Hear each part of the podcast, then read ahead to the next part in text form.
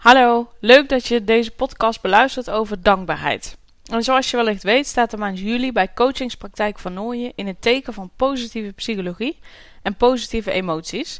En voor het geval je mijn vorige podcast over uh, de maand juli nog niet hebt gehoord, zal ik even uitleggen waarom uh, positieve psychologie en positieve emoties bij mij nu centraal staan.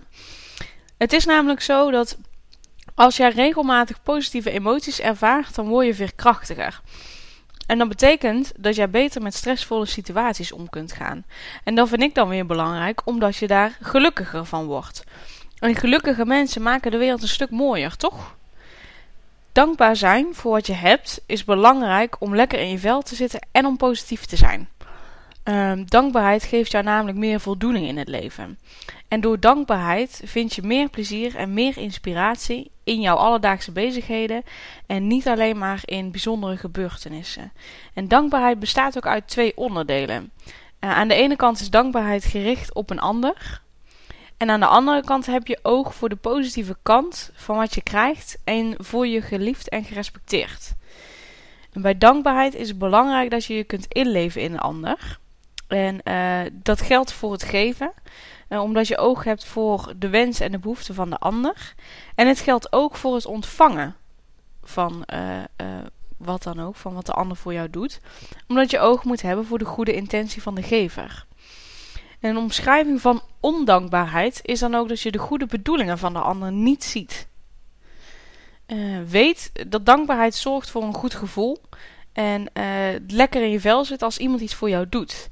En het zorgt voor motivatie bij jezelf om goede dingen te doen voor een ander.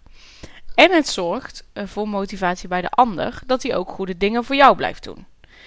En als jij lekker in je vel zit, dan is het natuurlijk een stuk makkelijker om dankbaarheid, uh, dankbaar te zijn. Dat snap ik. Uh, toch is het wel belangrijk om stil te staan bij wat allemaal wel goed gaat in jouw leven. Zeker als je niet lekker in je vel zit. En ik bedoel dan niet dat je dankbaar bent dat je iets vervelends meemaakt. Maar dat je juist net dankbaar bent voor bijvoorbeeld de manier waarop je met de situatie omgaat. Of dat je dankbaar bent voor wat je leert uh, van de vervelende situatie.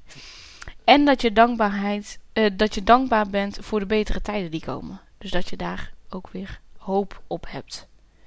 En je kunt beter met stressvolle situaties omgaan als je jezelf regelmatig eraan herinnert om dankbaar te zijn voor wat je nu al hebt. Dat zorgt namelijk voor meer positieve emoties.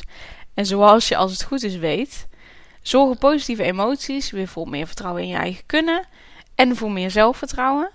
En dat zorgt er dan weer voor dat je nieuwe dingen leert, omdat je nieuwe situaties aangaat.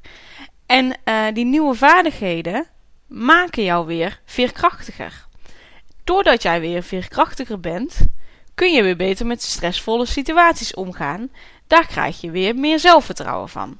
En zo gaat dat dan maar door. En deze mooie visieuze cirkel zorgt er toch weer voor dat je een gelukkiger mens bent. En dat wil toch iedereen?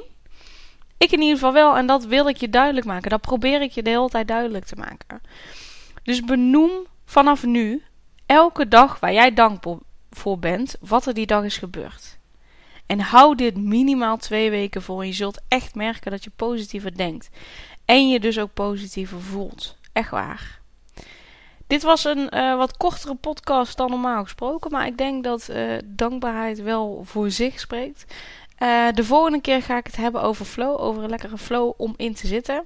Dus ik hoop dat ik je de volgende keer weer hoor. En voor nu wens ik jou een fijne dag of een fijne avond. En tot de volgende keer.